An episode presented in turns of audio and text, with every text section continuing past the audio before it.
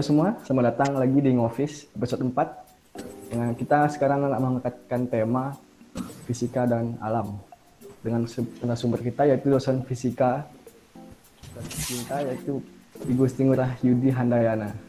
Selamat datang Pak. Selamat malam. Halo, selamat malam semua. Senang ketemu lagi di acara yang menarik ini. Terima kasih atas waktunya Pak sebelumnya. Uh, pada malam ini pembahasan kita sangat menarik ya hubungan fisika dan alam. Sebagaimana kita ketahui, fisika itu ilmu yang mengatur segala hal yang ada di bumi atau alam semesta kita. Dan semua hal yang ada di alam semesta itu berhubungan langsung dengan fisika. Sebelumnya, Pak Yudi uh, sudah sebagaimana asing lagi ya dengan alam, sering berkaitan dengan alam. iya. Kita gimana Pak?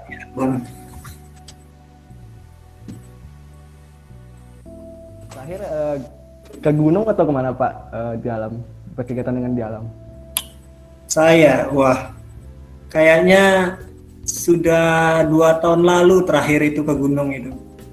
Jadi sekarang masih fokus di kegiatan di akademik. Tapi next, next pasti akan kembali lagi ke alam.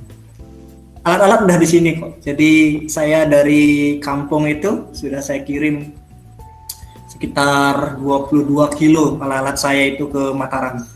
Jadi kalau teman-teman di mahasiswa mau ngajak bertualang boleh dikabari nanti. boleh nih, boleh banget nih Pak. Terakhir ke mana Pak? Ke gunung mana? Dua tahun yang lalu. Terakhir di dua tahun lalu, tepatnya di bulan Juni 2000 2018 ya, itu saya ke Gunung Agung di Bali di gunung tertinggi di Bali. Nah, itu terakhir. Dan itu merupakan gunung ke-38 sepanjang oh. saya. Oh. Target selama saya mampu untuk berjalan itu target sih sebenarnya mau bisa 100 puncak. Ini baru 38, berarti masih ada 62 lagi. Wow. wow. Menarik sekali. 37 puncak sudah 38 ya Pak? 37 38 iya. 8 terus boleh cerita nggak Pak? Gimana sih rasanya melawan gravitasi ke dari bumi itu ke atas itu gimana rasanya Pak? Boleh cerita sedikit nggak Pak? Melawan gravitasi ya? Wah keren ya bahasanya ya. Wah kalau kalau kita ngomongin melawan gravitasi kalau ke gunung itu kalau kita ngomongin realita ya, realita. Gunung itu kan tingginya paling tinggi kalau di Indonesia yang pernah saya daki, terutama Gunung Rinjani kan, itu puncaknya 3.762 mdpl. Jarak begitu kayaknya efek gravitasi nggak terlalu berbeda, paling masih 9,8an. Sehingga no, nggak ada terlalu berbeda. Kecuali memang kadar oksigen itu yang nanti akan sangat-sangat berbeda. Karena kan pengaruhnya perbedaan gravitasi meskipun kecil tapi terhadap zat-zat um, ringan kayak udara gitu kan pasti sangat berpengaruh. Makanya untuk oksigen sebagai bagian dari uh, udara yang memiliki massa jenis lebih berat dibanding udara yang lain maka dia akan lebih banyak terkumpul di dataran rendah. Nah, terasa sekali nanti kalau misalnya adik-adik mau ke puncak Ninjani, apalagi dari Pelawangan Sembalun mau trek ke puncak, baru itu ngos-ngosannya luar biasa itu. Bukan karena trek, tapi oksigennya juga. Tapi sampai sana terbayar pastinya Pak.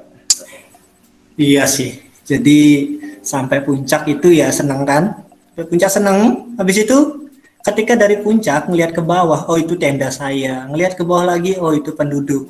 Nah itu mulai lesu lagi kan, harus jalan turun lagi kan. ya biasa kan. Jadi naik gunung itu uh, sebenarnya puncak bukanlah tujuan, karena sejatinya nyampe puncak itu kita baru setengah perjalanan, masih ada setengah perjalanan lagi sampai turun di rumah. Iya uh, di puncak pasti tidak asing lagi nggak pak sama Milky Way atau bisa sebut dengan Bima Sakti gitu Pak. Betul, ya. Jadi terutama kalau kita naik bulan Mei, Juni, Juli itu baru kita ketemu dengan karena di bagian apa di wilayah di Tenggara, ya Tenggara ya, Tenggara di Tenggara, eh, bukan Tenggara, tapi dari Tenggara ke Barat Daya itu. Nah di sana nanti akan ada kita kayak apa, kayak kabut gitu. Nah nanti ternyata kabut itu adalah bukanlah awan, tetapi dia adalah kumpulan dari bintang-bintang. Dan kita sedang melihat ke arah pusat galaksi kita yang namanya yang disebut sebagai Bima Sakti kan? Tapi lebih dikenal dengan Milky Way ya. Milky Way. Kenapa ya kabut susu jadinya ya? Mungkin karena kabut itu. Jadi bagi yang hobi hobi apa namanya itu astrofotografi nah yang punya kamera terus ingin mempelajari teknik astrofotografi Nah, itu kan banyak tekniknya itu jadi bagaimana shutternya, bukaannya, lama bukaan dan sebagainya itu. Nah, itu bagus banget bulan Mei, Juni, Juli itu buktikan gitu. Kalau musimnya tuh Mei, Juni, Juli itu ya, Pak. Betul, Mei, Juni, Juli selain memang musim panas walaupun empat tahun belakangan ini cuaca atau musim itu rada aneh gitu kan bulan Juni juga hujan gitu tetapi biasanya itu kan musim panas dan langit cerah dan kebetulan memang di bulan-bulan itu sekitar pukul 9 sampai pukul 12 malam itu di Tenggara Tenggara sampai Barat Daya itu akan membentang Milky Way dengan sangat jelas. Di luar itu masih ada, cuman kan kadang tengah malam banget atau bahkan dini hari gitu, nggak terlalu terlihat. Jadi yang mau tahu tentang Milky Way itu bisa coba lihat ke tempat yang bebas dari polusi cahaya itu di bulan Mei Juni. Juni bagus sekali. Sama di gunung pak. Lebih dekat lagi. Betul. Dan, uh, kalau ini menarik sekali di saya lihat di blog ya Pak Yudi itu ada bahas langit biru gitu. Apa sih sebenarnya Pak yang Pak bahas di blog Oh blog, oh iya. Jadi saya punya blog gitu kan namanya murahyudihandayana.blogspot.com.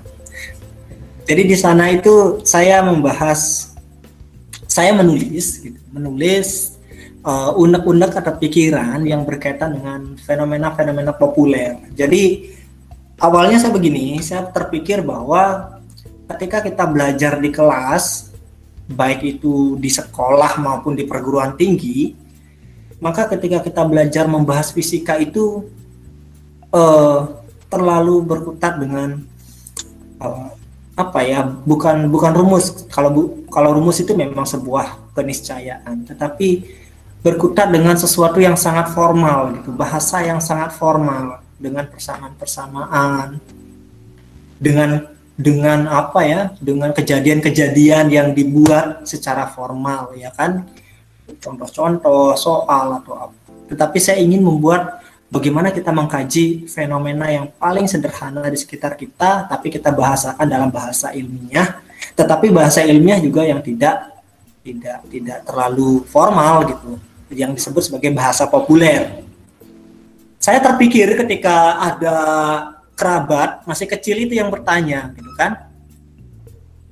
Kan manggilnya ya dalam bahasa Bali gitu kan. Kak, kenapa sih langit itu biru? Nah, bagaimana bisa saya menjelaskan tentang di tentang pembiasan tentang difraksi pada anak kecil ya kan?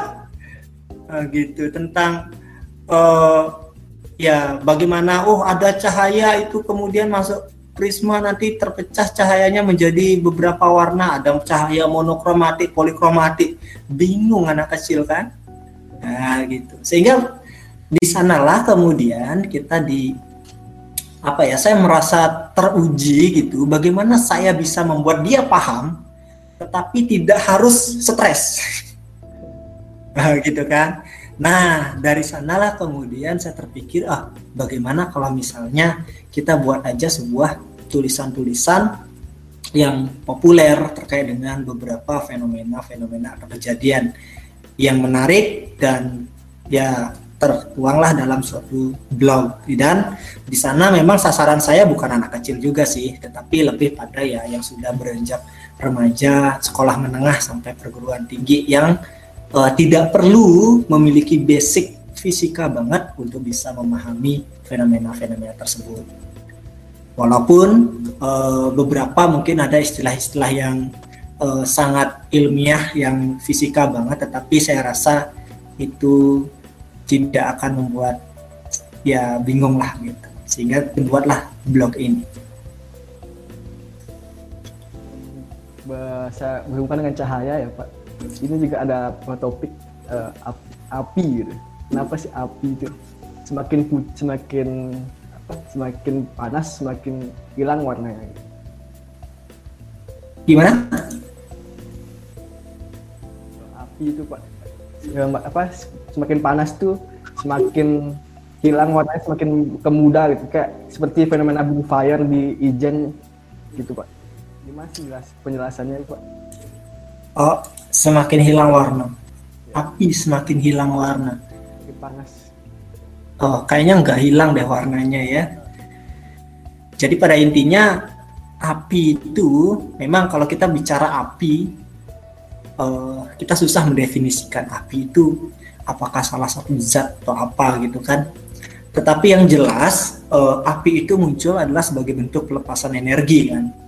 Nah, energinya itu dalam bentuk energi panas. Nah, sejak dan di sana terdapat uh, macam-macam, terutama adalah radiasi. Nah, jadi tergantung pada uh, energi yang ditandai dengan suhunya, gitu kan. Jadi Uh, karena energi ini kita tidak melihat dari jumlah total energinya, tetapi kita melihat dari pancaran radiasinya. Mungkin adik-adik kalau pernah dengar tentang uh, hukum Stefan Boltzmann itu kan, ya, di sana kan pasti disebutkan uh, bukan energi total, tetapi energi total persatuan luas persatuan waktu gitu kan. Jadi jadi kayak gitu. Artinya apa? Uh, sama kayak gini deh, sama kayak gini deh analoginya kita punya uang kita punya uang biasanya kalau uang dengan kalau urusannya dengan uang itu biasanya sering apa uh, cepat ngerti gitu kan. Jadi kita punya uang nih. Terus uh, uangnya itu uh, ada banyak gitu kan. Misalnya lah anggap satu miliar gitu kan. Uangnya satu miliar. Nah, apakah ketika kita mendengar uang satu miliar itu itu berarti kaya? Belum tentu. Kalau uang satu miliar dimiliki oleh 100 orang, ya udah bagi-bagi itu kan, masing-masing ya 10 juta. Tetapi kalau uang 100 miliar itu dibagi oleh 10 orang gitu kan, ya masing-masing punya 100 juta gitu. Artinya apa? Yang yang 10 orang itu akan memiliki uh, uang yang lebih banyak. Nah, energi juga begitu. Energi itu sejatinya uh, tidak tidak dari apa yang kita total kita dapatkan atau dalam misalnya di sini apa yang total dipancarkan, tetapi lebih pada berapa yang dipancarkan dalam setiap waktu dan setiap satuan luas. Kalau dia sangat besar, maka daya radiasinya besar gitu kan. Tapi kalau misalnya uh, dikit-dikit aja, dikit-dikit dikit, tapi kalau kita buat dalam rentang jutaan tahun kan besar total energinya itu. Tapi kan itu tidak akan berefek apa-apa sama kita. Tapi coba kalau misalnya dalam sekali waktu itu dilepaskan energi yang sangat besar, itulah jadi bom. Ya kan? Sehingga menjadi sebuah ledakan. Nah, kalau kita berbicara api, maka yang dilihat di sana yang ditandai oleh suhunya. Jadi, kalau misalnya uh, dan suhu itu nanti terlihat dari warnanya, gitu kan. Jadi, ketika api itu uh, berwarna merah, kemudian menjadi jingga, kemudian nanti biru, gitu kan. Nah, itu akan memiliki suhu yang lebih besar dan energi yang diradiasikan itu akan semakin uh, uh, uh, persatuan luas, persatuan waktunya semakin besar. Bahkan itu kalau kita ngomongin rumus sedikit itu kan berbanding lurus dengan pangkat 4 dari suhunya gitu. dan juga uh, apa ya? Dan juga kenapa akhirnya dia bisa terlihat biru? Maka penjelasannya ada di hukum Win. Nah kalau masih ingat ya hukum Win. Nah itu ada yang ingat ya hukum Win. Jadi bagaimana perbandingan antara suhu dan panjang gelombang? Maka itulah ketika suhunya makin tinggi maka akan muncul warna yang biru Nah, kenapa? Karena panjang gelombangnya yang dipancarkan panjang gelombang radiasi maksimum yang intensitasnya yang maksimum yang dipancarkan bukan panjang gelombang yang maksimum tetapi panjang gelombang yang intensitas radiasinya maksimum yang dipancarkan itu semakin pendek. Itulah kenapa dia menjadi berwarna biru. Gitu. Nah terkait dengan warna biru bapak uh, lihat langsung nggak? Pernah lihat langsung nggak? Pas di Ijen gitu. Oh pernah pernah. Ada foto saya di Instagram kan. Gimana rasanya dulu ada ada nah, langsung. tapi hati-hati ya hati-hati. Yang di Ijen itu warna biru itu bukan berarti karena radiasinya karena suhunya. Ya belum te jadi saya nggak tahu ya saya nggak belum belum pernah membaca kandungan yang ada di ijen. Maksudnya saya nggak ingat pasti gitu. Tetapi kan adik-adik masih ingat mungkin ketika praktikum di kimia bahwa ada memang zat-zat yang ketika dibakar itu berwarna. Meskipun suhunya nggak terlalu tinggi ya kan? Nah bisa jadi yang di ijen itu begitu. Makanya saya dekat di sana bahkan saya masuk ke areal apinya itu ya andaikan itu benar-benar yang yang yang yang energi apa-apa uh, uh, radiasinya itu merupakan radiasi uh, in, uh, yang panjang gelombangnya itu pendek sangat pendek yang artinya radiasinya sangat tinggi maka tentu saja tidak akan ada yang berani masuk ke sana gitu. Tapi faktanya di balik semua bahaya yang ada di sana tetapi dengan menggunakan masker gas orang orang biasa kan para penambang itu masuk bahkan para wisatawan masuk. Jadi saya kira yang api birunya itu bukan karena suhunya saya kira itu tapi memang karena ada suatu zat di sana yang kemudian terbakar dan menghasilkan warna biru. Gitu. Dan cukup bahaya juga sih biasanya pak. Ada gas yang nggak beracun. Oh iya tentu. Yang namanya gunung apalagi kita berada di kawah itu memang itu memang sangat beresiko gitu kan. Itu adalah sebuah sebuah petualangan yang sangat beresiko. Dan dan tanpa pengamanan persiapan pengamanan dan perencanaan mitigasi yang tepat maka itu berbahaya gitu kan. Bukan berarti tidak boleh gitu kan. Apalagi kita sebagai seorang kalangan akademis itu memang hal-hal uh, yang seperti itu kadang dalam tujuan tertentu mau nggak mau harus kita hadapi tapi tentu saja kita menghadapinya itu bukan bukan sembarangan gitu kan. Bukan sembarangan. Kita harus melalui sebuah uh, perencanaan yang matang. Maksud saya adalah orang kalau naik turun ke ijen aja itu kan ya harus pakai masker gas kan gitu. Minimal kan, minimal tidak tidak keracunan oleh gas dulu. Sehingga masih bisa untuk uh, apa istilahnya tuh uh, menyelamatkan diri atau jika terjadi hal-hal yang uh, kejadian mendadak yang tidak diinginkan.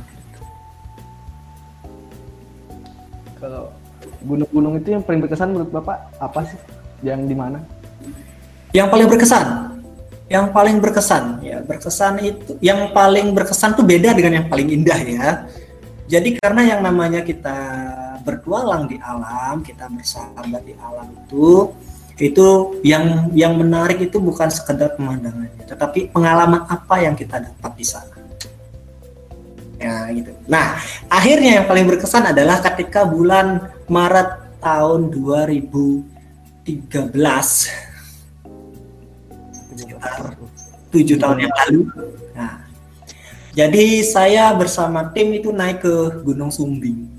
Gunung Sumbing itu ada di Jawa Tengah dekat dengan Dieng ber, bersebelahan dengan gunung uh, Sindoro jadi itu sehingga disebut sering disebut sebagai Sumbing Sindoro dan di tengah-tengahnya itu ada Dieng nah, gitu.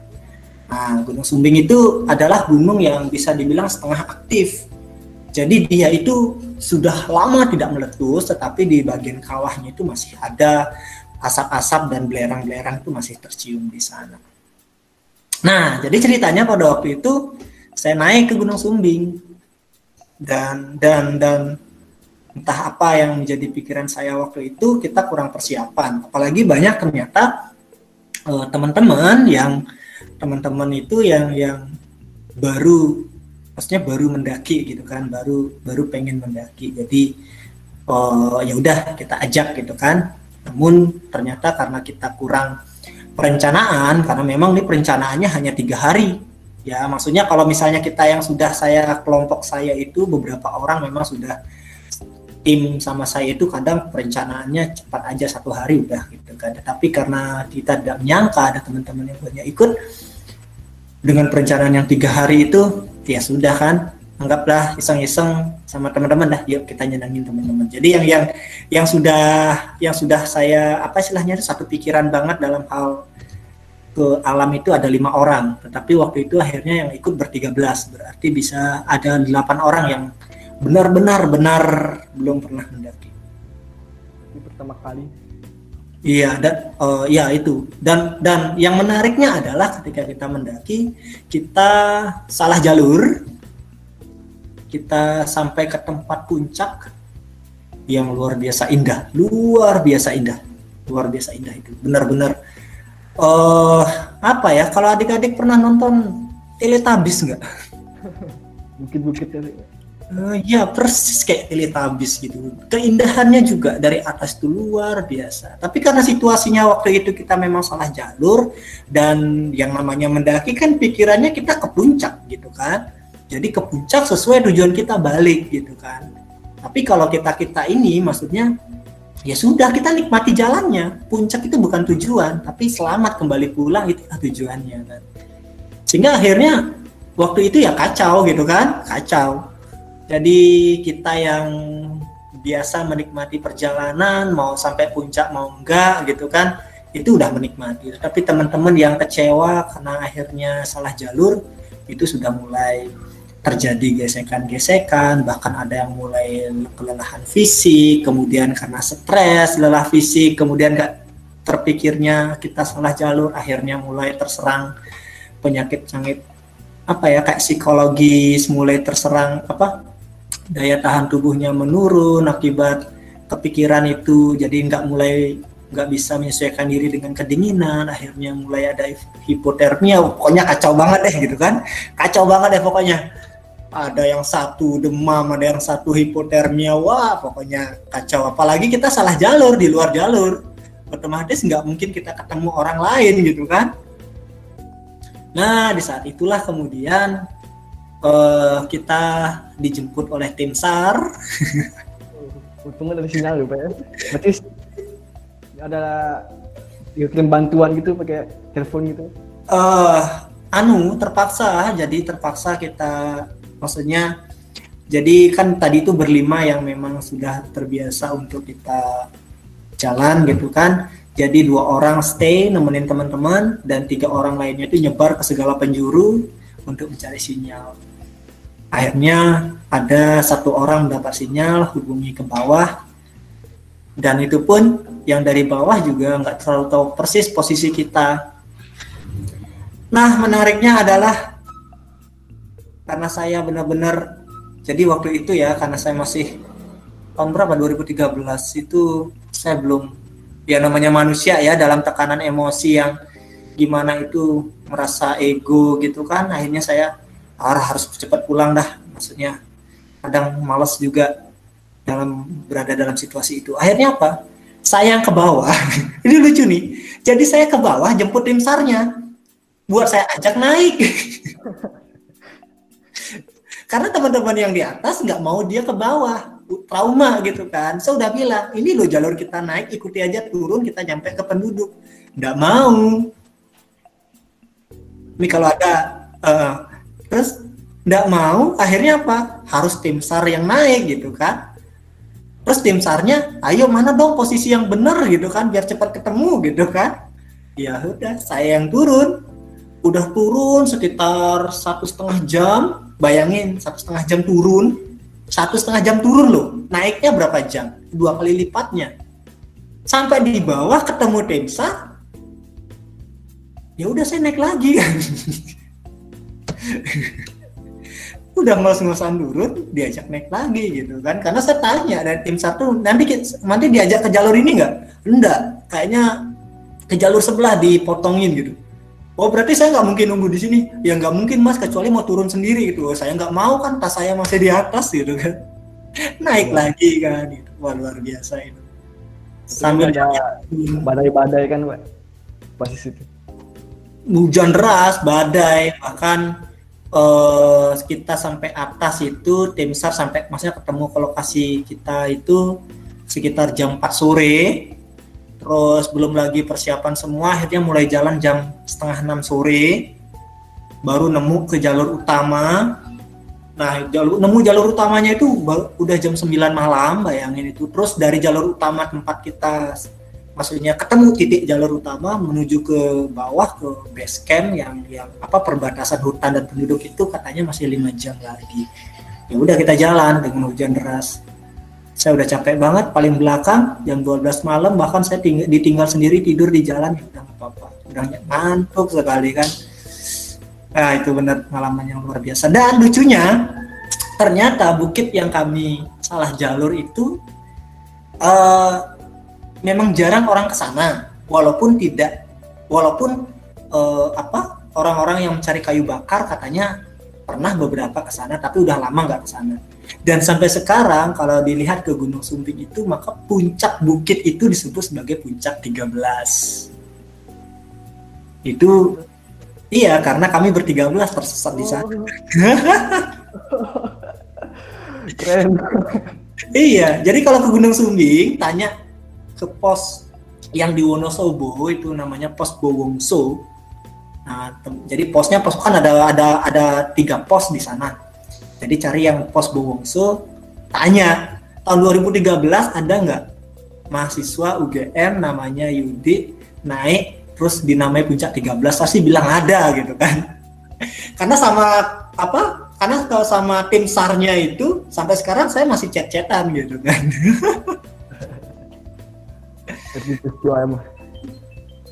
iya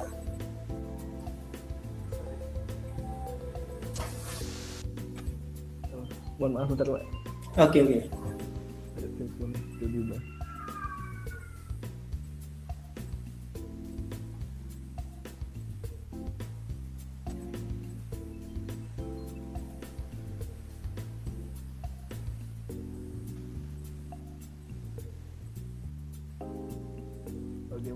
mohon maaf Pak, ada gangguan dikit.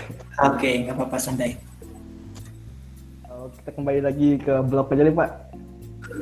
Gimana? Kita kembali ke blognya Bapak. Ada ada okay. beberapa topik yang menarik sih di sini. Saya lihat. Oke. Okay. Contohnya itu seperti setengah abad jejak manusia di bulan tuh Pak. Boleh ceritakan dikit nggak? Oke, okay. setengah abad jejak manusia di bulan. Jadi ya kita kita anu dulu ya kita harus samakan persepsi dulu jadi kan ini sebenarnya banyak perdebatan. Perdebatan itu dimulai adalah ketika orang-orang nggak ngerti fisika. Oke saya bisa bilang nggak ngerti fisika ya. Jadi kemudian dengan kekurang pahamannya terhadap fisika jadi berusaha untuk mempertanyakan hukum-hukum yang sudah disusun oleh uh, pendahulu-pendahulu kita. Yang akhirnya yang yang mana hukum-hukum itu sejauh ini sudah mampu untuk menjelaskan banyak fenomena-fenomena di alam. Nah, terutama yang berkaitan dengan e, bentuk dari bumi, gitu kan? Ya udah kita kenal bumi itu bulat ya kan, berbentuk e, e, ya planet-planet yang lainnya itu ya berbentuk bulat dari awal penciptaannya kecuali e, kita berbicara benda-benda angkasa yang lain, asteroid mungkin bentuknya tidak bulat sempurna, ya bumi pun tidak bulat sempurna. Tapi ya daripada kita bilang datar kan, gitu. Ya.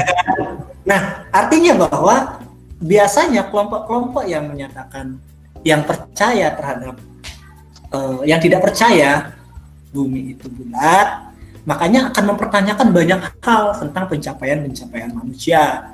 Nah, salah satunya adalah apakah benar manusia itu nyampe bulan? Bahkan jangankan nyampe bulannya, apakah benar eksplorasi ruang angkasa itu benar terjadi kan? Karena menurut orang yang nggak percaya terhadap bumi bulan itu bahwa di atas kita itu ada kubah yang menghalangi kita keluar angkasa, nanti bisa tabrakan atau apa kan gitu kepercayaannya gitu kan? Ah, ah ya, saya buka, saya gini, saya tuh terbuka terhadap suatu teori baru, terbuka sekali. Sains itu sangat terbuka terhadap teori baru. Bukan berarti itu salah, tidak. Tetapi yang terpenting adalah sebuah teori itu harus dibuktikan dengan fakta-fakta yang ilmiah yang disajikan. Tentu saja dapat ditunjukkan fakta-fakta berdasarkan hasil eksperimen dan pengamatan gitu kan dan yang ilmiah terverifikasi gitu. Nyatanya memang sejauh ini pertentangan apa penentang teori-teori yang sudah kita uh, uh, uh, pelajari sejauh ini, nah itu tidak mampu untuk menyajikan fakta-fakta yang jelas terkait terkait dengan itu. Nah, mungkin kita akan diskusikan ini di topik yang lain ya. Itu menarik sekali ya. Bahkan kan ada buku itu. Ada buku. Yang bahkan lucunya buku itu di bagian akhir kalau ada yang pernah baca itu diambil fotonya Albert Einstein. Yang saya nggak tahu Albert Einstein itu kenapa sih foto harus menjulurkan lidah gitu kan? Tapi itu yang terkenal kan itu yang banyak. Nah tetapi itu diplesetkan diberikan narasi oleh si penulis buku loh bukan sekedar apa tulisan blog atau apa buku yang beredar luas yang cetak. Dia bagian akhirnya tertulis lihatlah foto ilmuwan yang dipuja yaitu Albert Einstein. Dia pun menjulurkan lidah yang sebenarnya mengejek kita bahwa teorinya teori-teori fisika saat ini sebenarnya memang tidak bagus eh, tidak benar gitu. Jadi fotonya itu dibilang bahwa dia itu sebenarnya mengejek kita gitu kan. Ya lucu gitu kan. Maksudnya eh, apa ya? Istilah sekarang trennya mungkin apa? Cocok loginya itu gitu kan ya, ya oke okay lah tapi kita bisa perdebatkan nanti. Uh, bukan berarti itu salah ya. Saya yakin adik-adik mahasiswa banyak kok yang yang yang mungkin uh, ter ter terdistrak pikirannya terhadap teori sebelah gitu kan. Tetapi ya itu bisa kita nanti diskusikan gitu kan. Itu bisa nanti diskusikan. Kita namanya masyarakat ilmiah itu terbuka kok untuk diskusi apa pun. Jadi jangan pernah menjudge teori itu salah. Ingat teori itu tidak pernah bisa dibuktikan kebenarannya. Teori tidak pernah bisa dibuktikan uh, kebenarannya, tetapi teori hanya bisa ditunjukkan kesalahannya. Bahkan untuk dengan sebuah eksperimen. Itu yang perlu. Nah, artinya bahwa belum tentu ada teori yang benar, tetapi untuk menyalahkan teori juga tidak serta merta harus ada sebuah bukti yang jelas. Nah, kembali ke tentang setengah abad jejak manusia. Jadi di sini pada tahun uh, eh, 1969 kan, jadi itu kan uh, tercatat bahwa itu pertama kalinya manusia mampu menuju ke bulan. Manusia loh ya, kalau wahananya kan sudah mulai dari zaman dulu, dari zaman Uni Soviet kan, sudah duluan sebenarnya. Tetapi Amerika Serikat kemudian pada tahun itu uh, mampu menerjunkan tiga astronotnya menuju ke orbit bulan dan dua di antaranya mampu untuk menjejakkan kaki di bulan. Nah tulisan ini saya buat uh, pada tanggal 20 Juli 2019 kalau nggak salah. Nah itu tepat kan uh, 50 tahun dari tahun 69 itu kan ya bulan Juli juga kan 21 Juli lah waktu waktu Amerika. Nah, jadi uh, itu merupakan pencapaian terbesar manusia gitu kan. Karena pada dasarnya kan, kalau di balik perang dingin yang terjadi antara Soviet dan Amerika pada saat itu ternyata uh, itu mendorong mendorong sebuah uh, egoisme manusia untuk bisa lebih unggul dari yang lain, termasuk untuk mencapai hal-hal yang dianggap mustahil atau hanya menjadi dongeng pada awalnya dan ternyata dorongan-dorongan tersebut membawa efek ya sekarang ini kita berbicara menggunakan teknologi, kita bertemu virtual menggunakan teknologi ini juga kan tentu saja itu merupakan hasil karya dorongan-dorongan oh, oh, keingintahuan manusia. Nah, jadi pada tahun itu kemudian manusia pertama kali mampu menjejak bulan dan itu merupakan sebuah pencapaian luar biasa bagi umat manusia karena sebuah benda langit di luar bumi yang bisa bilang terdekat itu bisa kita akhirnya jajah. Nah jajah gitu ya. Ya bahasa kasar banget mungkin jajah itu ya. Tetapi ya itulah faktanya bahwa akhirnya kita mampu menjejakkan kaki di tanah itu atas nama umat manusia. Itu nah yang mana waktu itu yang sering saya baca gitu ya karena saya memang tidak mendengar langsung saya baca bahwa ada kalimat yang menarik diucapkan oleh Neil Armstrong waktu itu pertama kali menjejak bulan yaitu dengan kalimat oh, satu langkah kecil manusia satu lompatan besar umat manusia. Artinya ketika dia menjejakkan kaki di sana walaupun itu sebuah langkah kecil tetapi inilah lompatan besar umat manusia nah itu sangat menggugah sekali ya jadi eh, setelah misi itu kemudian memang beberapa kali ada misi keluar angkasa itu. Tetapi e, karena biayanya terlalu mahal, ya tentu saja sangat mahal, maka tidak tidak tidak sering bahkan hanya hitungan jari aja untuk menerjunkan astronot ke bulan. Sisanya mungkin lebih banyak dengan menggunakan wahana-wahana di awak. Bahkan apa ya sama seperti naik gunung ketika kita misalnya sudah mencapai puncak gunung itu malas lagi ke gunung itu gitu. Pengennya gunung yang lain. Nah begitu pula umat manusia. Setelah sampai di bulan ya pengennya sekarang ke planet lain. Sampai sekarang kan muncul proyek-proyek Mars. Nah tapi pada saat itu lebih dekat-dekat dengan tahun 69 itu yang disasar itu belum Mars dulu tapi Venus gitu kan. Yang disasar Venus gitu kan. Karena sifat-sifat karakternya itu kok mirip bumi gitu kan. Tapi faktanya akhirnya Venus itu terdiri atau apa terselimuti oleh awan yang sangat padat. Yang bahkan ingat ya Venus adalah planet terpanas di tata surya kita loh. Bukan Merkurius meskipun Merkurius paling dekat dengan matahari. Venus kenapa Venus?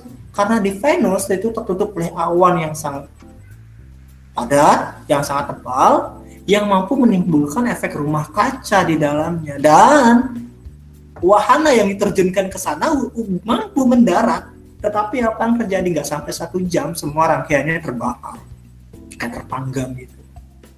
Nah itu jadi oh ternyata Venus gak menarik gitu kan.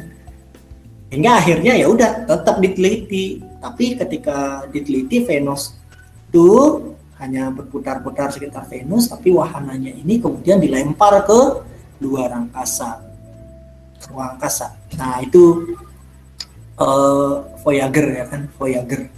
Yang mana menariknya adalah uh, si dalam misi Voyager ini kemudian ilmuwan astrofisika yang bernama Carl Sagan dan John Dick, uh, John Dick ya, saya lupa nama depannya tapi Dick ya itu kemudian membuat sebuah navigasi luar angkasa. Navigator luar uh, navigasi luar angkasa yang memberi yang mem, yang yang yang berisikan peta alamat kita di jagat raya. Gitu. Dan itu apa ya itu luar biasa tetapi kok ngeri ya? Kok ngeri ya? Kita ngasih alamat kita keluar angkasa gitu kan Iya kan? Coba, coba tapi itu sebuah itulah sebuah cara pikir yang brilian. Coba aja pikir, uh, coba aja kita uh, uh, uh, bagaimana kita bisa memberikan alamat kita bumi, bumi itu ada di mana sih gitu kan? Kalau kita bisa komunikasi, misalnya ada ada makhluk di luar sana. Oh saya dari bumi, bumi itu di mana gitu kan? Ayo, bumi itu di mana? Oh sebelahnya matahari, matahari itu apa? Kan bagi mereka belum tentu sebutannya matahari kan? Iya kan? Apa yang kita pakai? Alamat kita coba. Oh bintang dengan energi sekian. Lo banyak lo bintang dengan energinya segitu. Bahkan jutaan gitu. Kami pilih yang mana untuk menemukan kamu gitu kan nah, seperti itu. Tapi akhirnya dibuat sebuah peta gitu yang yang yang yang di, di dirasa akan dimengerti oleh akan dimengerti oleh yang menemukan. Andaikan ada yang menemukan ya.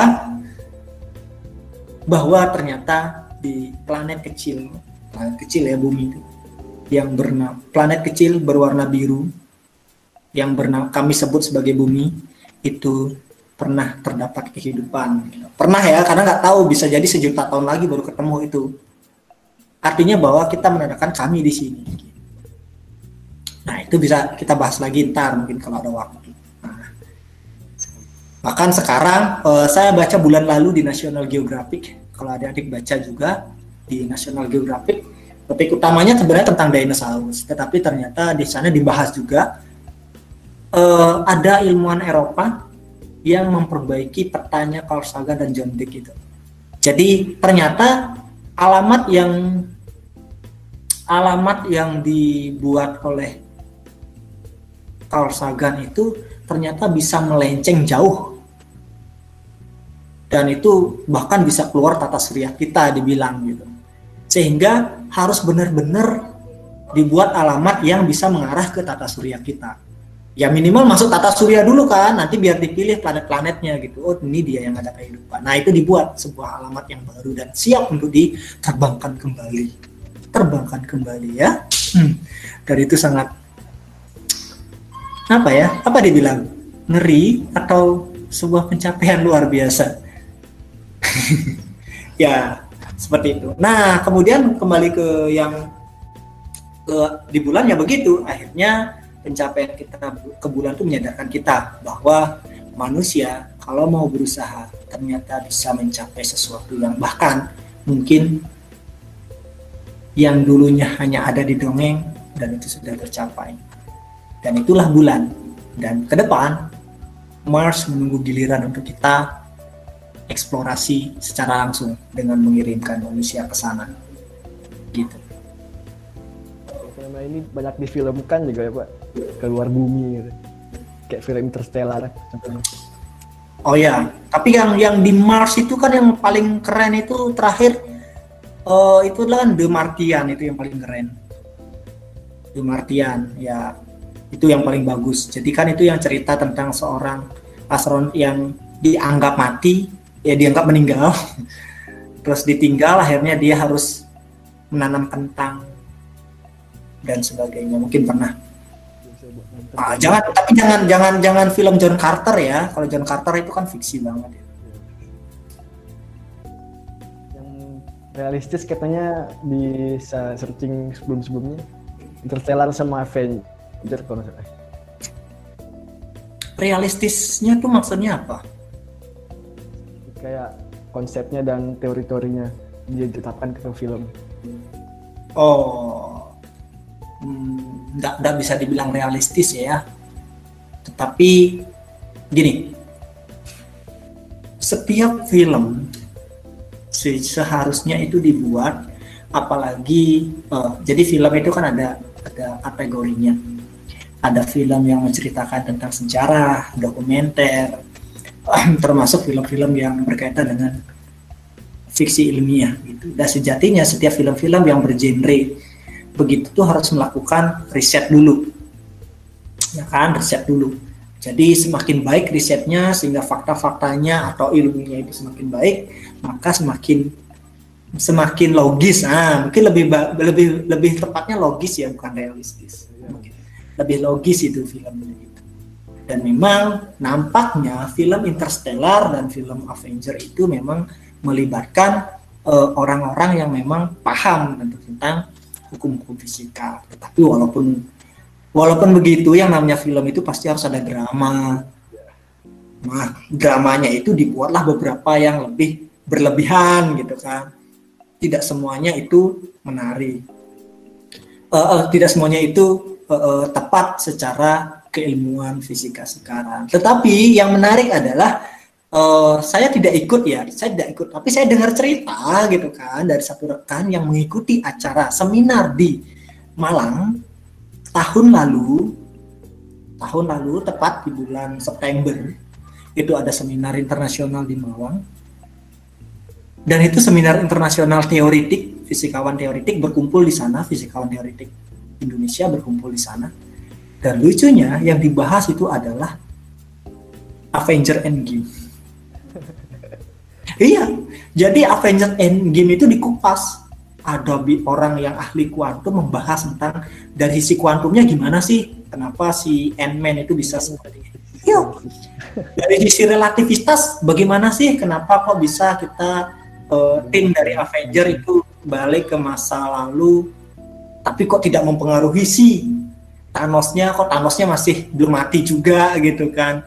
Ya ternyata memang ada ada kaitan yang disebut sebagai uh, entanglement gitu ya. Jadi dibahasakan sebenarnya kan dalam kuantum entanglement itu ada gitu kan, tetapi akhirnya dibawa ke ranah makro gitu kan tentang entanglement itu ya. Walaupun itu sedikit nggak logis, tetapi ternyata diadopsi, diadopsi konsep itu gitu kan, konsep itu.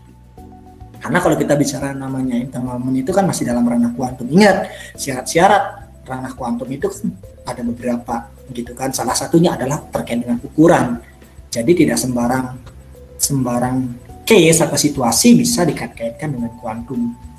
Harus ada syaratnya. Nah, dalam dalam Avenger itu kan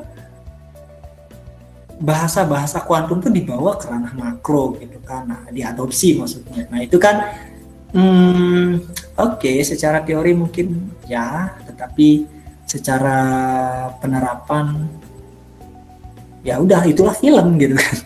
Mau gimana gitu kan kita ingatin lagi nih kalau ada yang mau tanya yang yang di sahabat ngovis yang di sini yang mau nanya-nanya bisa di kolom komentar atau open voice ada sesinya ini satu pertanyaan lagi mungkin pak. Uh, terus selain gunung pak ternyata hobi juga diving ya pak? Ya lumayan kalau diving. Di CV-nya ada bersinggungan dengan lingkungan gitu pak dan zero waste. Oh iya. Uh, dulu mulai tahun saya kenalan dengan diving itu mulai tahun 2000 berapa ya? Belum lama itu, 2016, 2016. Jadi kebetulan saya di kampung dulu itu dekat dengan pantai. Nah, nggak kebayang aja saya harus bisa diving diving itu. Tapi pada akhirnya ketemu dengan teman-teman kelompok di uh, kampus dulu, itu saya diajak apa diajak untuk melihat terumbu karang gitu kan. Nah awalnya membuat medianya di pinggir aja. Saya belum kenal yang namanya diving dulu. Tapi kemudian saya lihat kok ada yang baru naik. Wah diving itu asik ya. Eh jujur ya tahun 2016 itu saya belum bisa renang sama sekali. Sama sekali nggak bisa renang. Gitu. Tapi akhirnya apa? Saya tertarik. Wah ini keren kayaknya itu. Nah diving itu diving itu bukan bukan aktivitas yang murah bukan aktivitas yang murah dan sangat berbahaya tapi menarik ya jadi apa pun kegiatan itu pasti ada resiko. Naik gunung juga pasti banyak resikonya. Diving juga gitu. Dan tidak murah ya, tidak murah banget. Karena itu butuh peralatan. Kecuali kita hanya snorkeling gitu, free dive. Ya akhirnya lama kelamaan dari hasil pergaulan di pantai jadi anak pantai dan akhirnya ya sudah oh, bisa gabung dan akhirnya mulai. Saya ingat sekali tuh 1 Juni 2017 1 Juni 2017 hari kesaktian eh bukan kesaktian hari lahir Pancasila dari bulan dari tahun 2016 sampai 1 Juni 2017 saya akhirnya baru diajak turun untuk nyelam. Terus selama dari dari 2016 sampai 2017 ngapain gitu kan? Nah, asal tahu ya, selama itu saya itu jadi tukang angkut tabung gas. Serius. Jadi ngangkut naikin ke perahu. Jadi ketika perahunya jalan saya hanya di pinggir.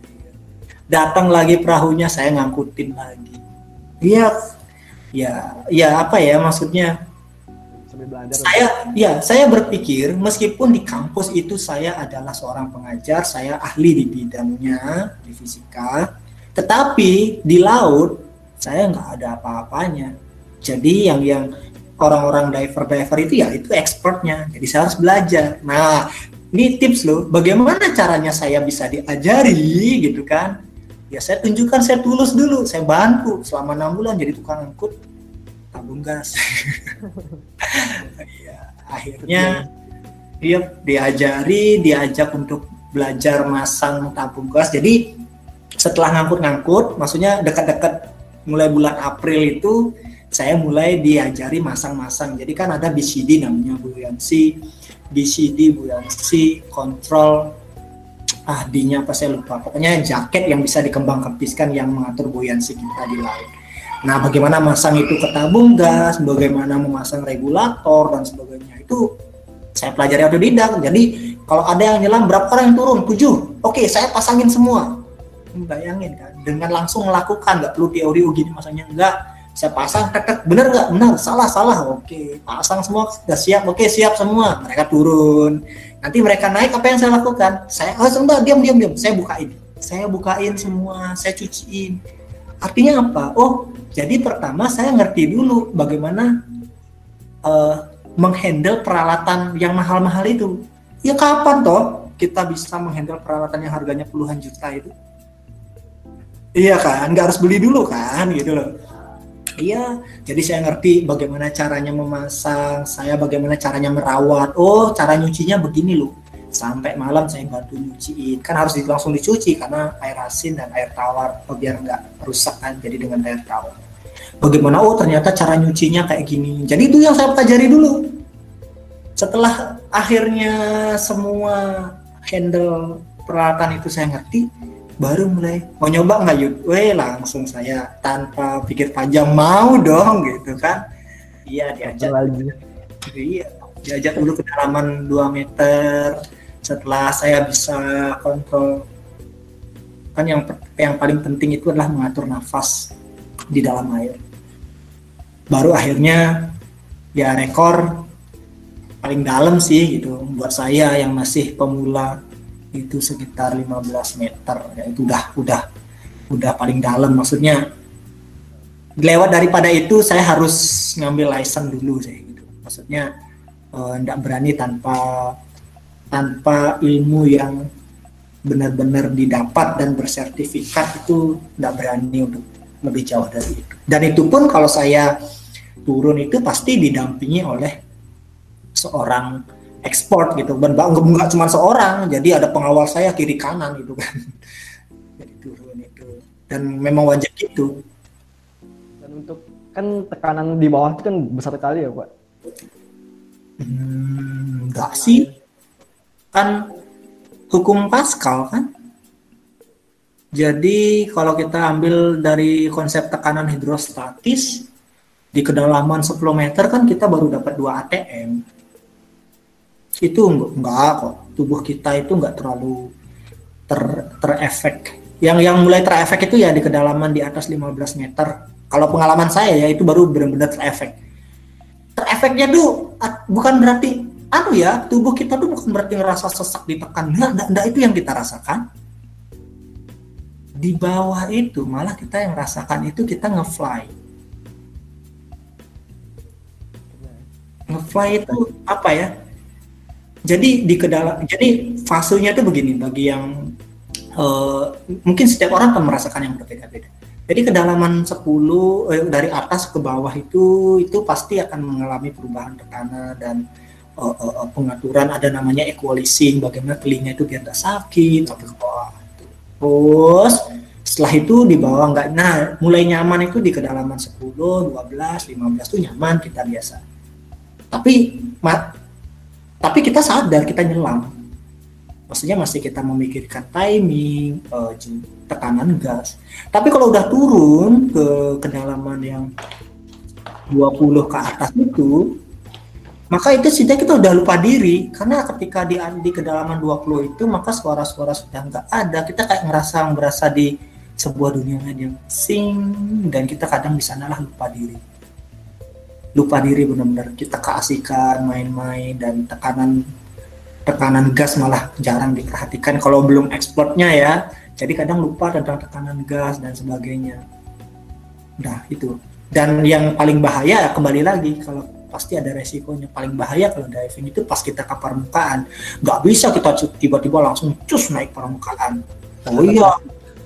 Oh itu. Nah nanti kita uh, terkena namanya aduh kenapa saya lupa istilahnya ya saya lupa istilahnya itu jadi uh, itu bisa meninggal itu bisa meninggal itu bisa meninggal bahkan saya aja ketika mulai masuk ke dalaman 10 naik-naiknya itu hidung saya itu berdarah seharian.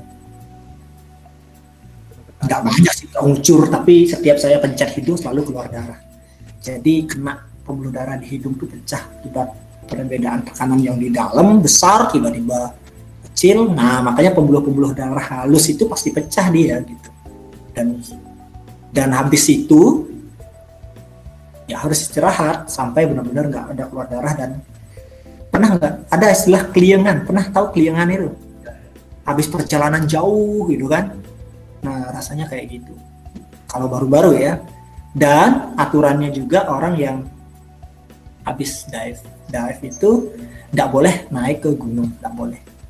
Atau misalnya habis dive di mana namanya di di Trawangan terus tiba-tiba naik ke Sembalun wah mati nanti gitu. Ya serius meskipun naik di Trawangan aman-aman aja tapi sekalinya kita langsung ke ketinggian itu bisa bisa menyebabkan bisa berakibat fatal gitu. Kalau tubuhnya tidak terbiasa. Makanya di, mending diatur ke gunung dulu baru nyelam gitu berarti sejatinya menyelam atau enggak mendaki tujuan utamanya untuk pulang selamat ya pak betul apa pun itu pasti bahkan di di diving itu kan ada aturan bahwa jangan pernah mendaki sendirian. Tidak boleh itu. Eh, mendaki, menyelam. Jadi menyelam itu pasti harus ada namanya pasangan. Jadi namanya body istilahnya. Jadi kalau nyelam itu harus kita gini, yuk lo body sama gua ya gitu. Jadi kita memang lo pasangan gua. Jadi kalau aku kenapa kenapa, kamu tanggung jawab. Kalau kamu kenapa kenapa, saya tanggung jawab gitu. Namanya body. Sehingga nyelam itu harus minimal berpasangan dua-dua gitu ke mana-mana harus bareng gitu nggak boleh sendirian uh, untuk sahabat ngofis uh, ada yang mau ditanyakan nggak ke Pak Yudi terkait alam dan fisika tadi boleh di komentar atau langsung voice apa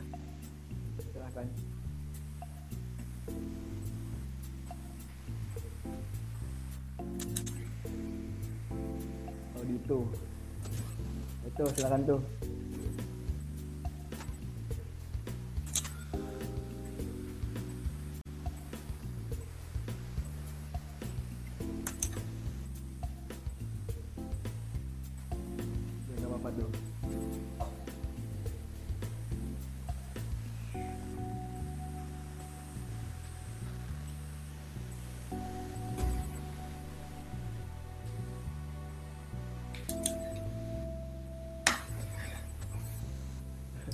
Oh, enggak bisa katanya itu. Pak, ada di tulisan di komen momen apa yang buat Pak Yudi jatuh cinta sama fisika, Pak? Iya, oke. Okay. Um, kita gini ya. Ya sejatinya kalau bahasa-bahasa seperti ini itu uh, puitis gitu ya. Itu puitis puitis banget sebenarnya. Dan setiap orang itu akan berbeda-beda. Setiap orang akan berbeda-beda. Jadi ada yang punya memang benar-benar punya momen ting, wah inilah saya menyebabkan saya ke ke apa mencintai sesuatu. Gitu. Tetapi kalau saya pribadi uh, masuk fisika itu bukan karena sebuah momen yang yang benar-benar wah saya harus ke fisika enggak. Tapi ternyata itulah sebuah jalan yang mengalir saja mengalir saja. Jadi dari saya SMA, di SMP gitu kan SMP, nggak pernah terbayang saya akan jadi uh, apa kuliah di fisika, kemudian S2 di fisika itu nggak pernah kebayang. Jadi SMP ya udah ikut, kadang diikut lomba matematika ya ikut, lomba IPA ikut. SMA juga begitu, cuman entah kenapa ketika SMA saya lebih banyak diikutkan di lomba fisika gitu kan dibanding lomba yang lain. Nah dari sana akhirnya saya lebih banyak belajar fisika gitu dan karena saya belajar lebih belajar banyak fisika terlebih pada suatu momen itu saya mendapat juara dalam suatu lomba fisika dan oleh penyelenggara lomba saya kemudian diberikan apa ya kayak garansi untuk bisa diterima di perguruan tinggi tersebut tanpa harus tes? Ya sudah maksud saya adalah kenapa tidak dimanfaatkan gitu kan? Ya udah masuk fisika dan berlanjut. Tapi satu hal yang yang yang saya selalu pegang satu hal yang selalu saya pegang dan ini buat adik-adik juga di apa pun dan di mana pun kita berada kita harus selalu melakukan dengan sungguh-sungguh jangan pernah menyalahkan keadaan terkait kegagalan yang kita alami contoh kalau adik-adik sudah masuk fisika, ya udah tekuni fisika. Jangan bilang usah dulu niat saya gini nggak ada. Faktanya sekarang kamu di fisika. Lakukan fisika itu dengan baik, itu pelajari. Begitu pula untuk bidang-bidang yang lain. Jangan pernah gagal di fisika, terus kambing hitamnya adalah karena niat saya di bidang lain. Nggak boleh begitu. Nah itu yang saya pegang. Akhirnya apa? Ketika saya memutuskan masuk fisika, niat saya ya udah saya harus belajar dengan sungguh-sungguh semaksimal mungkin gitu. Jadi jangan pernah oh kepikiran mengandaikan saya ini enggak, enggak, enggak boleh. Itu yang harus dipegang. Jangan pernah berhayal untuk berada di dalam keadaan yang lain. Apalagi keadaan yang udah lewat. Tapi bermimpi untuk memperbaiki keadaan di depan itu bagus.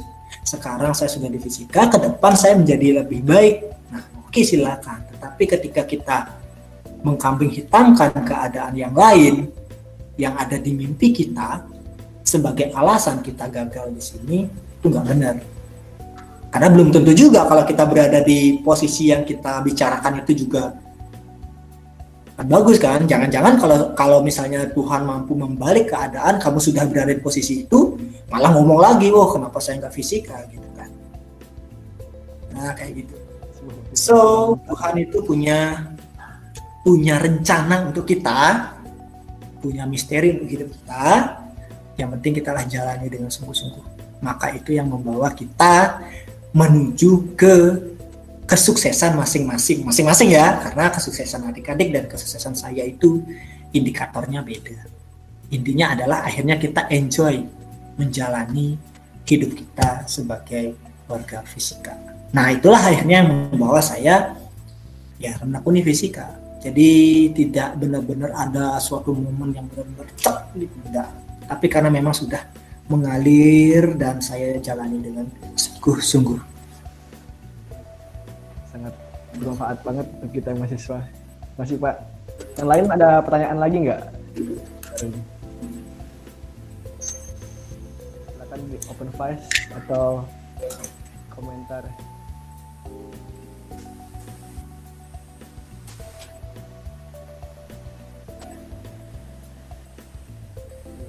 sudah sejam ya pak Apakah ada lagi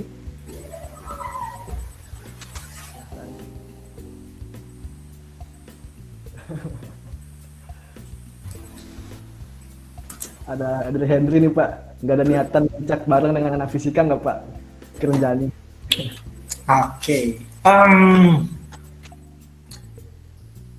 uh, Oke, uh, tunggu ya. Saya saya mau kan tunggu ya, bentar aja. Tunggu. Uh, mana tadi? Saya ingin ingin menggugah. Saya nggak pamer, tapi saya hanya ingin menggugah. Iya.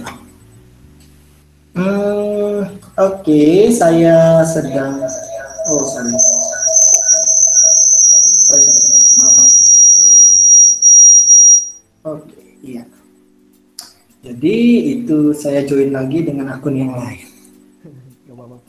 Iya, terus izinkan saya untuk share screen. Oke, Pak. Silakan. Mana share screennya ini? Oh. Oke. Okay. Oke, okay, mungkin ada ya. Ya. Oke, saya mau perlihatkan sebuah Instagram. Uh, Oke, um, ya beberapa hal yang penting. Uh, mungkin ini yang pertama kita bahas ya. Mungkin udah muncul ya. Nah itu kan. Nah itu yang di ijen ya. Ijen ya. Ini masih di ijen juga. Oke, tapi ada satu hal yang ingin saya tanya, eh yang ingin saya tunjukkan. Uh, ini dia. Nah itu. Jadi di posisi itu saya adalah ketua geng dan yang lainnya itu mahasiswa semua.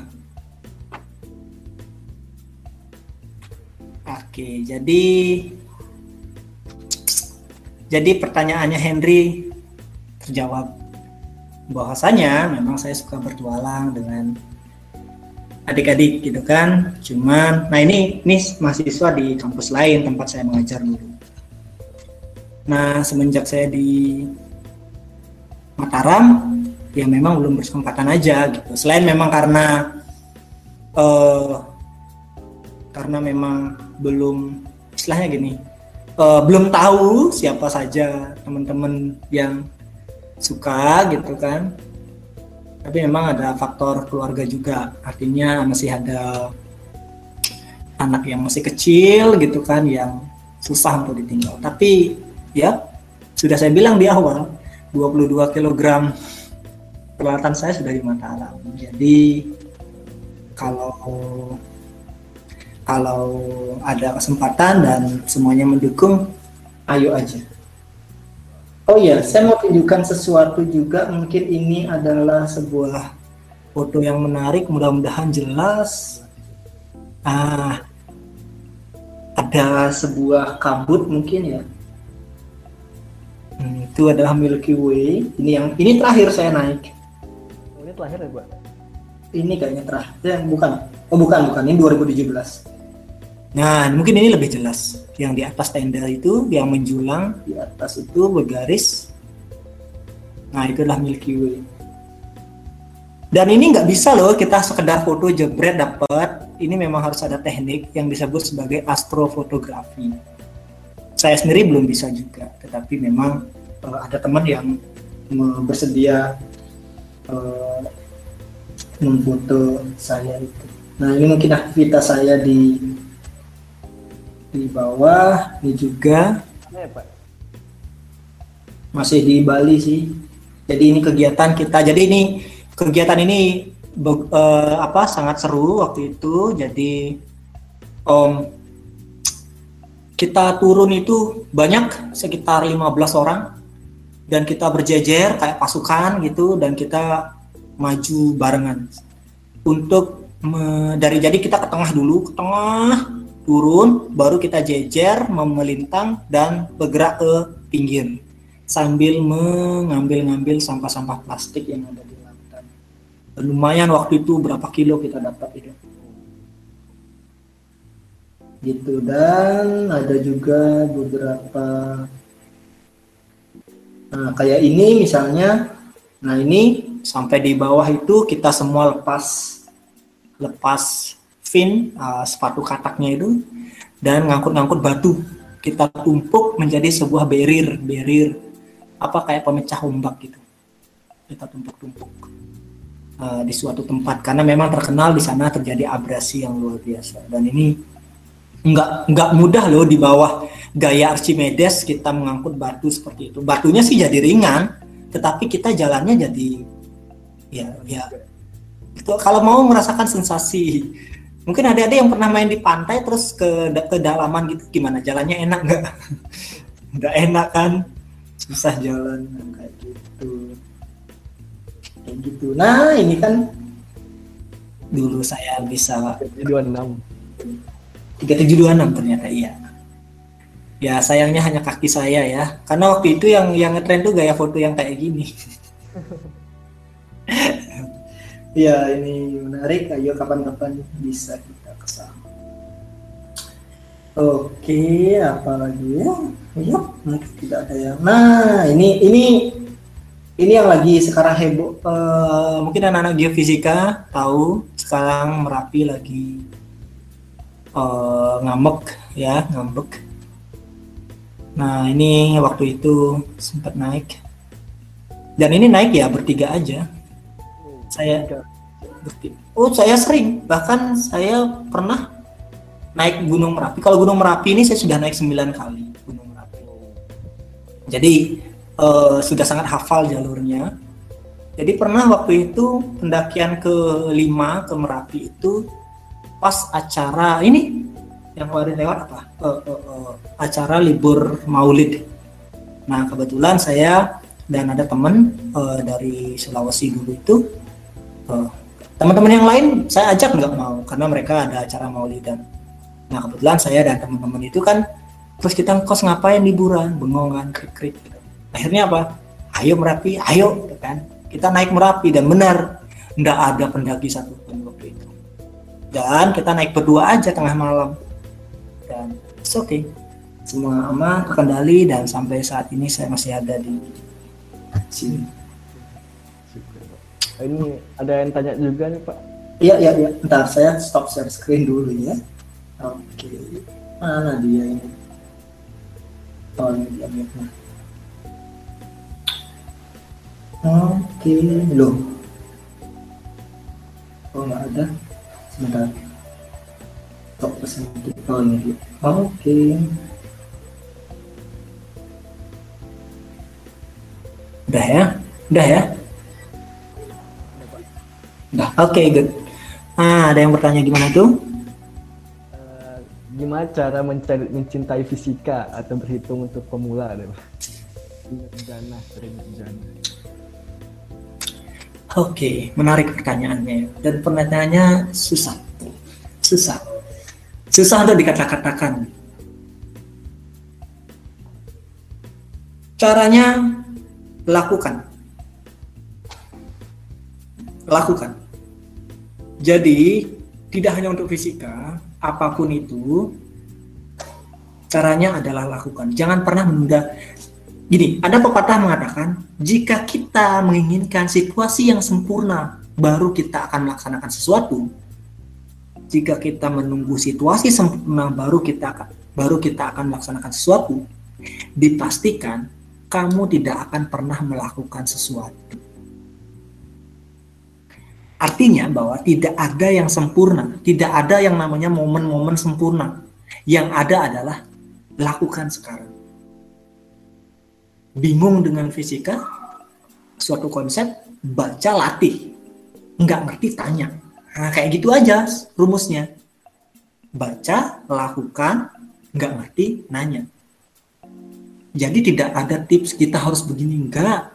Sekarang aja kalau misalnya kita misalkan kita tiduran nih, pasti rasanya uh mau belajar ntar lah, ntar, ntar. Nah, nggak boleh ada kata ntar.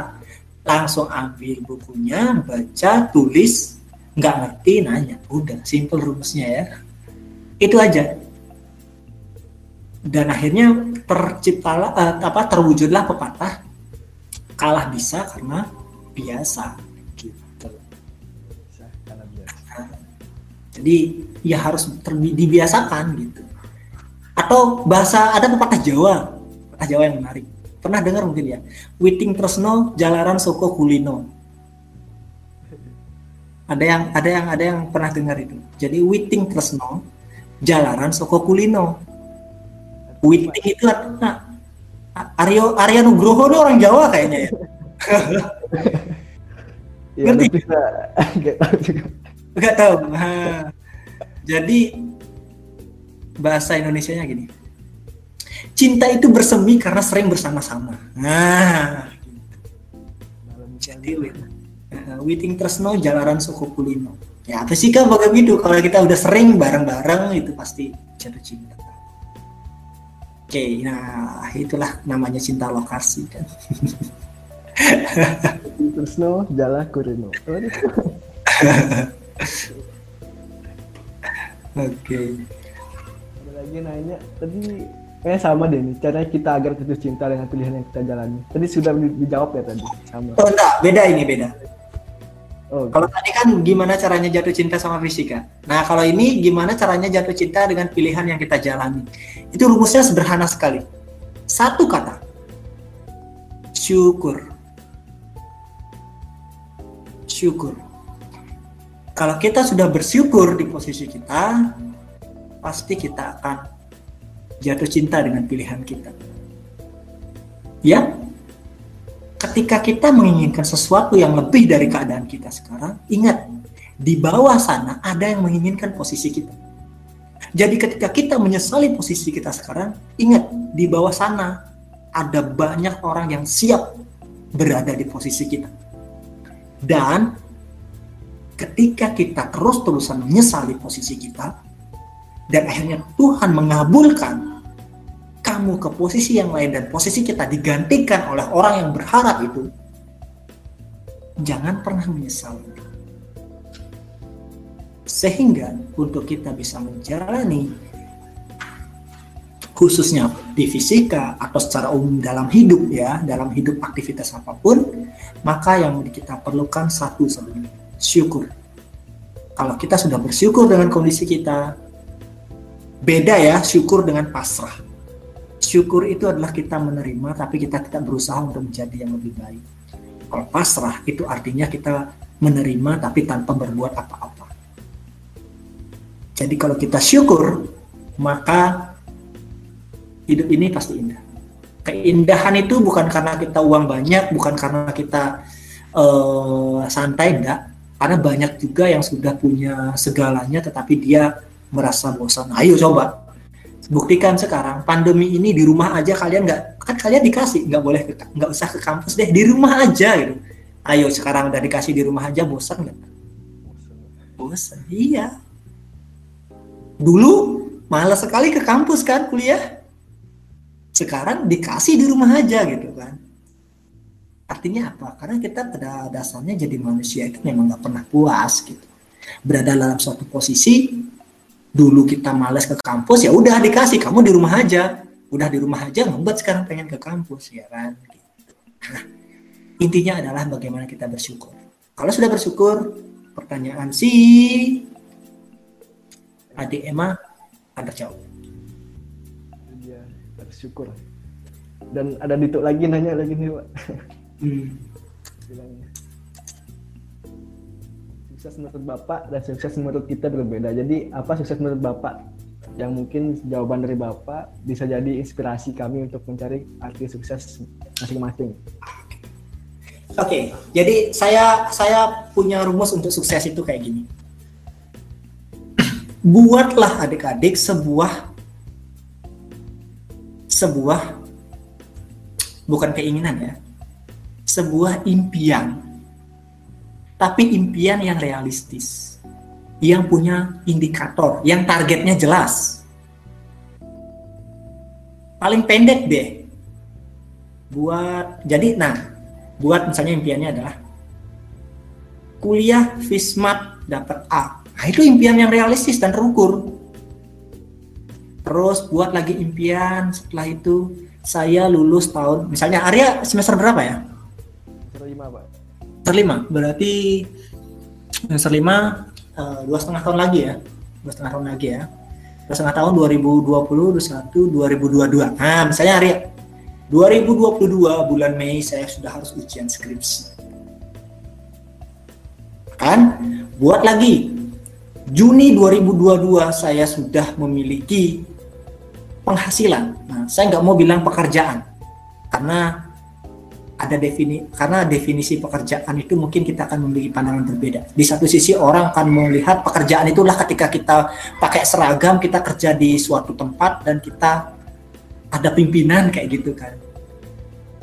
Kan bekerja tidak harus begitu. Tapi yang penghasilan itu pasti mau gimana caranya, yang penting halal gitu kan. Nah, itu dapat penghasilan. Mau kita usaha sendiri, bersendiri sendiri atau bekerja untuk orang lain. Yang jelas mungkin kita punya target lagi bahwa Juni 2022 kita punya penghasilan sendiri. Nah, targetnya lagi mungkin penghasilannya berapa. Nah, Jadi buatlah sebuah impian-impian yang realistis-realistis seperti itu. Yang kemudian semuanya dibuat dalam sebuah timeline yang itu disebut sebagai milestone. Nah, kayak itu kan, sebuah tujuan-tujuan yang jelas. Nah, itulah kesuksesan ketika semua bagian titik-titik itu kayaknya terlampaui dan dan dan dan gitu. Itulah uh, sukses itu. Jadi kalau ditanya saya ya jelas saya punya milestone, saya akan S3. Itu milestone yang jangka menengah saya kan.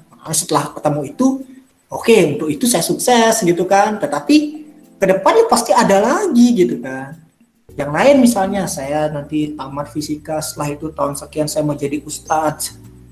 Saya ya kan itu sebuah milestone juga gitu. Bagaimana kita bisa mengabdi kepada masyarakat gitu kan. Itu sebuah milestone gitu. Artinya apa? Mungkin pertanyaannya itu buatlah impian kita masing-masing. Karena setiap orang itu unik gitu. Setiap orang unik.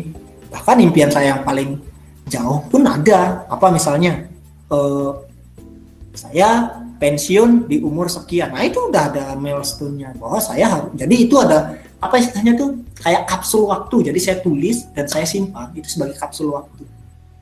Dan, dan sesekali saya buka oh saya sudah mencapai titik ini dan ada impian di terdekat ini yang belum tercapai. Terus bagaimana tengah jalan kalau kita mau merubah impian? Ya enggak apa gitu enggak apa-apa. Mau diubah dimodifikasi impiannya menjadi lebih realistis ya itulah pengalaman gitu kalau dulu impiannya saya waktu kecil saya mau jadi dokter gitu kan. Akhirnya setelah SMA realistis jadi perawat aja. Setelah mau tamat ya realistis lebih realistis lagi saya mau jadi fisikawan akhirnya gitu kan. Oke okay, gitu. Buatlah milestone sehingga nanti kesuksesan kita akan tercapai masing-masing. Yang penting positif gitu kan. Jangan miles, jangan milestone yang uh, uh, uh, uh, uh, tidak benar sesuai dengan norma yang berlaku. Pertanyaan mungkin pertanyaan terakhir ya Pak. Oke. Okay. Oh, ada Ardi juga. Apa hakikat dalam hidup untuk mempelajari fisika? Gimana cara kita memahami fisika sebagai sahabat alam semesta? Oh. Wah, dalam ini ya yang di bawahnya ini tar fisika dalam anime manga One Piece uh. Piece asik. Ya ya ya oke. Nah kalau Ardi ini nanti kita buat sesi lain ya. Wah ada banyak sesi lain ya Arya. Jadi ada sesi apa ya? Bahas tentang teori setelah gitu kan? Uh, bahas lagi tentang nah One Piece oke okay, ya nantilah gampang ya. Kita bisa ngobrol-ngobrol lagi. Tapi kalau yang One Piece ini kayaknya kita harus kumpulin dulu siapa-siapa yang penggemar One Piece. Oh banyak di fisika ya, Pak? Ini salah satunya nih, Pak. Oh iya. Kalau gitu kita bikin grup yuk. Apa ya? oh, mania fisika gitu. ya, lagi seru-serunya. Tapi saya tapi yang saya ikuti manganya ya. Jadi kalau animenya nggak terlalu saya ikuti. Sehingga ya sedang menunggu yang episode 995 ya asik oke okay, nah jadi Ardi saya nggak bisa banyak bahas dulu sekarang ya. Jadi sekarang kita coba memikirkan penjelasan untuk Vispa. Sangat dalam. Hakikat dalam hidup untuk pelajari fisika dan bagaimana cara kita memahami fisika sebagai sahabat alam semesta. Fisika, sahabat alam semesta. Fisika, sahabat alam semesta. Puitis ya, tapi bagi saya fisika bukan sahabat alam semesta.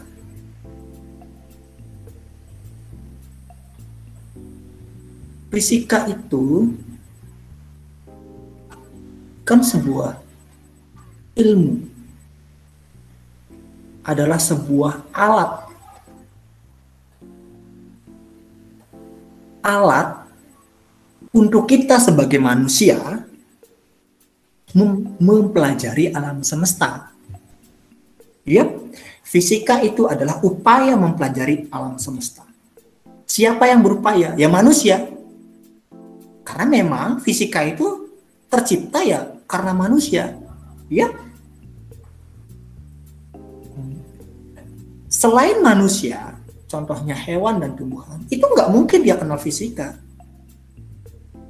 Jadi fisika yang kita pelajari itu ya karena ciptaan manusia, buah hasil pemikiran manusia yang sampai sejauh ini kita geluti. Apakah ke depan itu fisika bisa musnah? Bisa digantikan oleh sebuah ilmu yang lain, sebuah cara yang lain bagi makhluk nantinya. Saya bilang makhluk ya, untuk mempelajari alam gitu. Saat ini kita adalah Homo sapiens. Manusia Homo sapiens kan. Tapi bagi saudara sepupu kita yang dahulu, homo-homo yang lain mungkin mempelajari alam itu dengan cara yang berbeda bukan dengan fisika atau dengan sains sekarang. Bahkan ke depan seperti uh, seperti teorinya Noval Huah Noval uh, Noval Noah Hariri ya kalau nggak salah. Saya saya lupa penciptanya. Yang menulis tentang Homo sapiens dan Homo Deus bahwa ke depannya kita ini akan tergantikan berevolusi menjadi Homo Deus. Jadi tidak lagi ada homo sapiens, kita akan musnah nih, kita akan musnah. Sama seperti kita memusnahkan Netherlands, uh, manusia Netherlands, itu bahasa dari uh, uh, uh, uh, uh, apa sejenis manusia yang lain ya. Sekarang yang ada di muka bumi satu-satunya manusia yang ada di bumi adalah Homo sapiens. Ya kenapa? Karena kita yang menguasai semua ilmu itu melalui sains itu. Jadi akhirnya apa terjadi sebuah seleksi alam, kita yang akhirnya bertahan dan yang lainnya habis dengan segala kemampuan Homo sapiens dan peradabannya, baik pertanian dan sebagainya.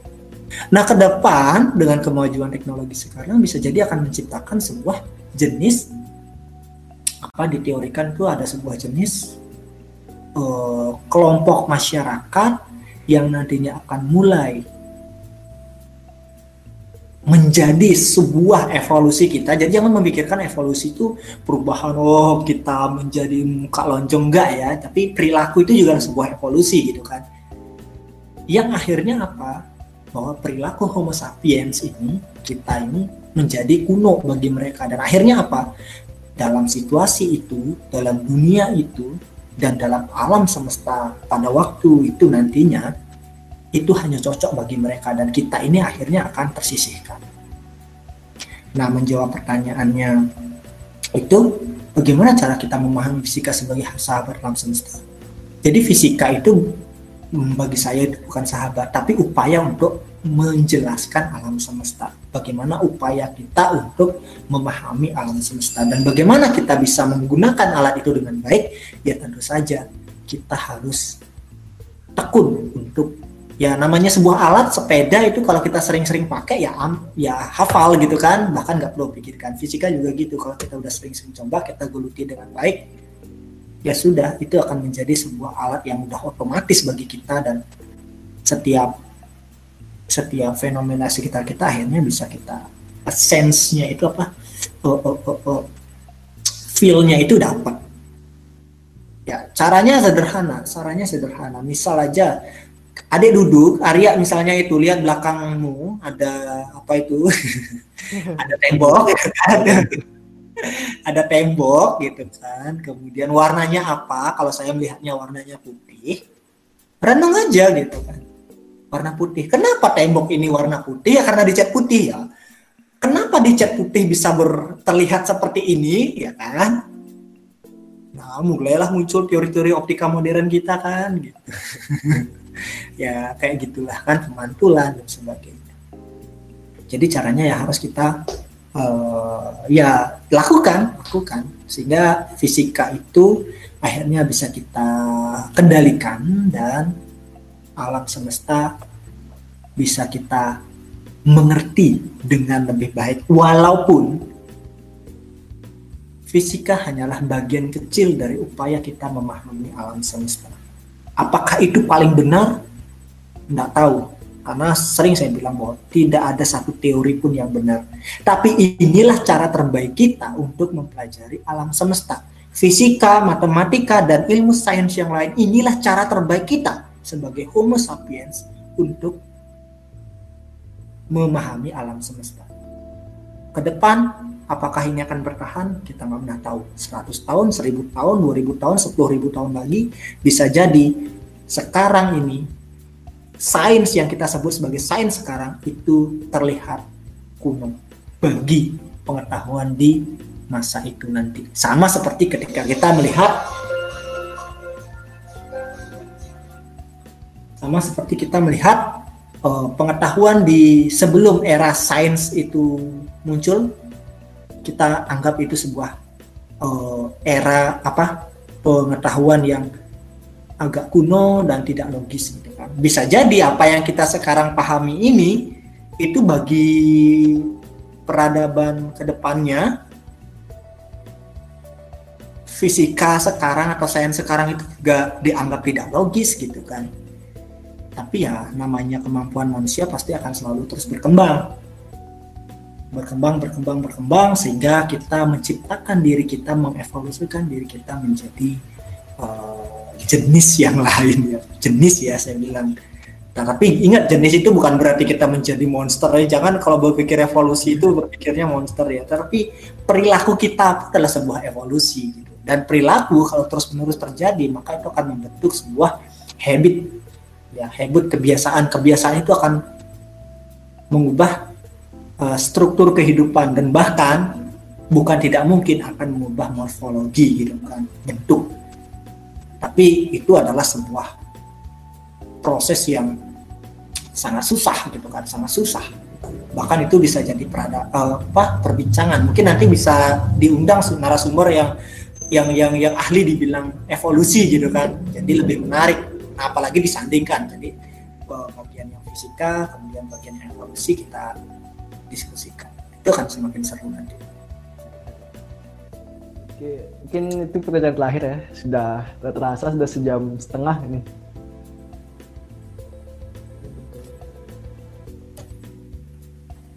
Rasa ada ada lagi enggak? Ada Erna itu nanya. Satu lagi ya Erna ini ya. Oke, terakhir ya. Uh, Erna ini sebenarnya adalah sebuah jadi gini bahwa ada namanya uh, saya lupa jumlahnya. Manusia itu memiliki kecerdasan.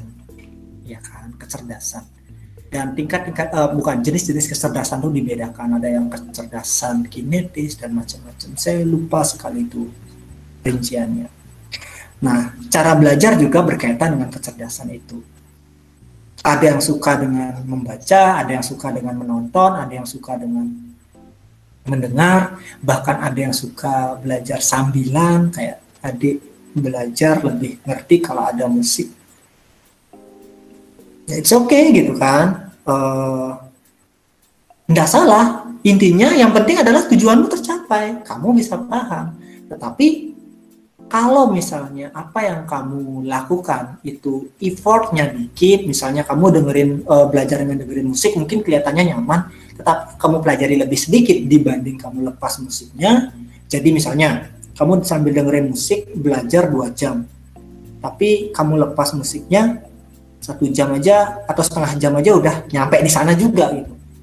Ya sudah, kan mending lepas musik setengah jam aja belajar selesai, sisanya bisa dilakukan untuk hal yang lebih produktif.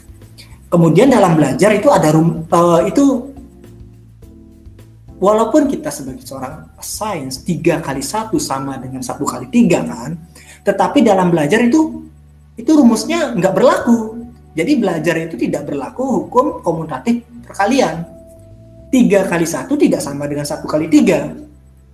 Maksudnya adalah belajar tiga jam dilakukan dalam sekali belajar itu hasilnya akan berbeda dengan kita belajar satu jam satu jam tapi dilakukan tiga kali berbeda hasilnya. Jadi kamu belajar fisika aku sekarang belajar tiga jam materi ini.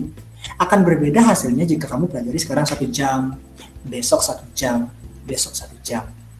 Itu akan berbeda. Itu yang disebut sebagai konsistensi. Gitu. Ya kan? Jadi satu buku dibaca seharian kamu nggak akan ngerti dibanding dipisah-pisah. Makanya makanya kuliah itu seminggu sekali. Kalau mau biar selesai ayo kita dua hari selesai kok satu buku itu kan. Ya kan? Tapi kan saya kan nggak akan bisa gitu kan karena otak itu butuh waktu untuk relaksasi dulu gitu. Makanya jangan pernah belajar belajar apalagi terlebih untuk ujian itu. Kita SKS sistem kebut semalam. Jangan gitu kan nggak akan mampu. Serius nggak akan mampu makanya ingat aja rumusnya ini bahwa dalam belajar tiga kali satu tidak sama dengan satu kali tiga. Sangat bermanfaat. Rasa sudah di penghujung nih Pak. Sudah jam setengah. Dan untuk semoga uh, ke depannya uh, target-target yang Bapak akan capai tercapai dengan waktu yang dekat seperti S3 dan berdapat puncak lagi nih mencapai 100 puncak gunung tertinggi Indonesia. Ya amin. Masih lagi 62 lagi. Oke, terima kasih sahabat ngofis yang sudah bergabung dan yang nanti uh, yang belum sempat bergabung bisa didengarin di Spotify dan juga di YouTube Himafis. Di sana sudah ada tiga episode, eh dua episode sebenarnya kita satu episode lagi akan diupload segera dan seterusnya juga akan diupload segera kasih atas waktu yang disempatkan untuk Pak untuk Pak Yudi. Oke sama-sama. Terima ilmunya. Kasih diundang. Oke saya cukupkan. Terima kasih. Assalamualaikum warahmatullahi wabarakatuh. Selamat malam. Oke selamat malam. Dadah bye bye